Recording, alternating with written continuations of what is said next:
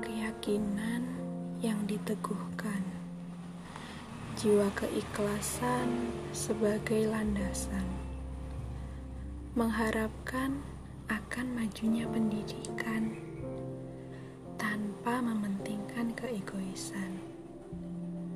Imbalan bukan sebuah harapan bahwa setiap kebaikan tidak selamanya diperlihatkan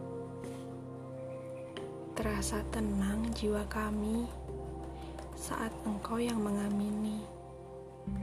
Terasa sejuk hati kami jika engkau yang memahami. Terasa damai raga ini jika engkau yang membimbing jalan kami.